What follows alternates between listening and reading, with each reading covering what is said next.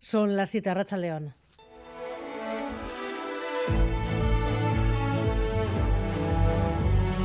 Gambara con Arancha García.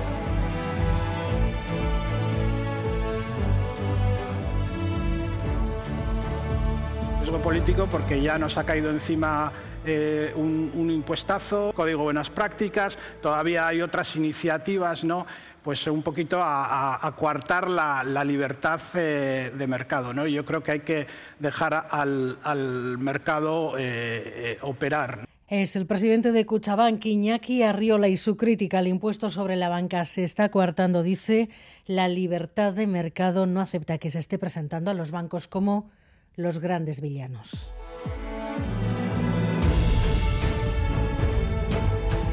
Y Moncloa anuncia un plan contra la sequía, ayudas a la agricultura y, sobre todo, una normativa que prohibirá trabajar al aire libre, al pleno sol, en los días de calor extremo. Nerea Sarriegui. Sí, en el camino de adaptar la legislación de prevención de riesgos laborales al cambio climático, mañana se da un paso importante. El gobierno español va a prohibir que se trabaje al aire libre en las zonas en las que la AEMET, la Agencia Estatal de Meteorología, establezca la alerta naranja o roja por calor extremo. Prevén la obligación de que se reduzcan las jornadas o de que se adapten los uniformes a las condiciones meteorológicas. Todo en un Consejo de Ministros extraordinario que aprobará ayudas directas para los agricultores que más están sufriendo la sequía. Dos días del arranque de la campaña electoral, ya dos días del arranque de la campaña electoral en el Congreso, el caso Zabalza y las listas de EH Bildu.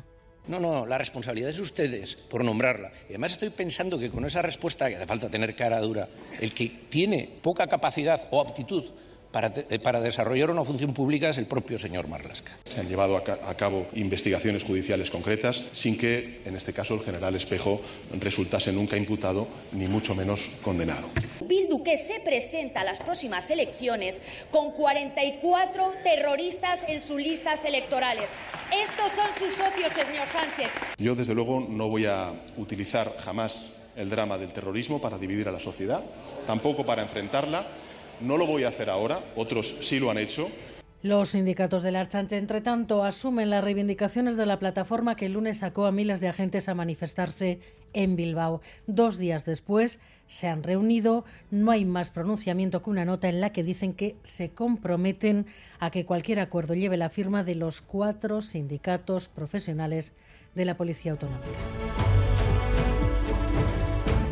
Y pendientes de una operación contra el tráfico de angulas, una veintena de detenidos, registros en varios puntos en naves de Oyarzun, Guetaria, entre otros, la operación coordinada a ambos lados de la Muga. ¿Qué datos tenemos, Amaya Zabala? Sí, podría haber hasta 20 detenidos. Los registros y las detenciones se están llevando a cabo en la Muga entre Guipúzcoa y Parralde y dos de las localidades donde se está produciendo la aprehensión de un gran cargamento de angulas en naves industriales son Oyarzun y Guetaria. Se trata de una operación de gran calibre contra el tráfico ilegal de esta especie en vías de extinción y se está desarrollando conjuntamente entre, entre el SEPRONA y la Gendarmería francesa. El gobierno vasco ha definido ya los lugares donde podrán instalarse parques eólicos y solares, un sector que prevé desarrollarse mucho en los próximos años. Son 110 ubicaciones, se han elegido por su potencial de viento y de sol y porque no afectan ni a zonas protegidas, ni a parques naturales, ni a poblaciones,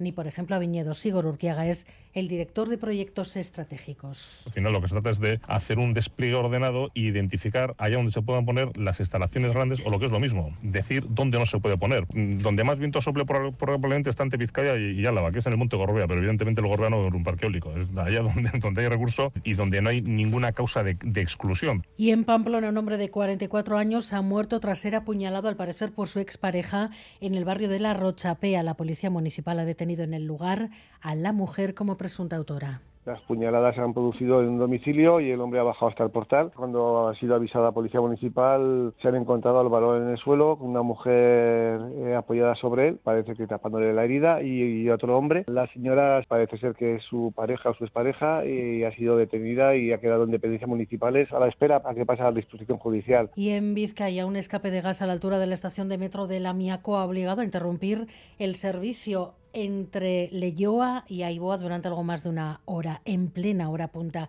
Las estaciones han sido desalojadas, han permanecido cerradas hasta que la fuga se ha dado por controlada. Al parecer, el origen ha estado en la rotura de una tubería durante unas obras. Y los deportes, Miquel Bilbao, Arracha León. Arracha León Arancha. Hablamos de baloncesto, jornada 32 de la Liga CB desde las 7 y apurando sus opciones de estar en Europa. El Surne Bilbao Basket recibe en Miribilla al Breogán. Sepamos cómo ha comenzado este partido. John Hernández, Arracha León.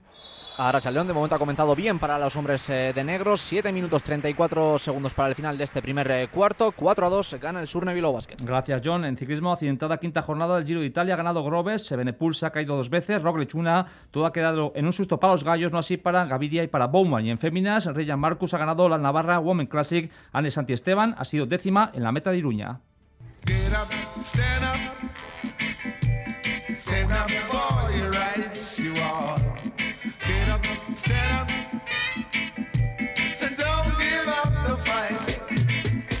Mañana a esta hora les estaremos contando los actos de arranque de la campaña electoral que comienza el viernes con una duda sobrevolando esos 15 días de discursos, de mensajes, si serán capaces de llevar a la gente a las urnas el día 28. Y es que venimos de cifras de abstención muy altas, no solo aquí, en toda Europa. Sonia Hernando. Los más jóvenes aún no están escarmentados, sino que la mayoría de los que hemos encontrado no saben a quién votar. ¿Vas a votar? Eh, no estoy segura, la verdad. No, lo tengo que pensar y mirar pues, los programas electorales y decidir. Hemos hablado con varios que tienen claro que no hacerlo significa dejar decidir a otros. Sí, o sea, no tengo claro a quién, pero sí considero que al final es un derecho y si no votamos estamos dejando elegir a otras personas por nosotros. Beneficiarse a otros partidos políticos que de, de ideologías como cuestionables. Entonces también por esa parte como, como hacerle plantearme si votar o no. Subimos la franja de edad y de entre los abstencionistas con los que hemos hablado hemos encontrado personas que cuando no han sabido qué votar lo hacen en blanco. No quiero que salgan determinadas opciones políticas que si no voto eh, sumarían. Entonces mm, prefiero, prefiero ejercer mi voto a no hacerlo y que esas opciones políticas salgan. Pero una de las cosas que más nos ha llamado la atención es la cantidad de personas que superan los 50 y nos han dicho que no votan. Unos lo han dejado de hacer. Este hombre no vota desde hace más de 20 años. No, es que... No hay nada que hacer con No, porque es que he visto muchas cosas.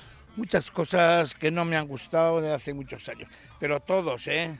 Aquí no se salva nadie. Otras, como esta señora que pasa de los 60, dice haber votado solo una vez en su vida. Porque vi algo de algún cambio en un partido y así, pero luego total nada. Y ahora como está todo, el tema menos. En la calle, todos en general piden que se acerquen a la vida real de la gente. Muy difícil lo pone, la verdad, porque es que yo ya eh, paso de campaña a esto, cuando salen lo quito, porque digo, es que, o sea, que vayan todos los días a comprar para comer, para cuidar a las personas, no sé qué, y se enterarán de lo que es la vida real y no tanta tontería.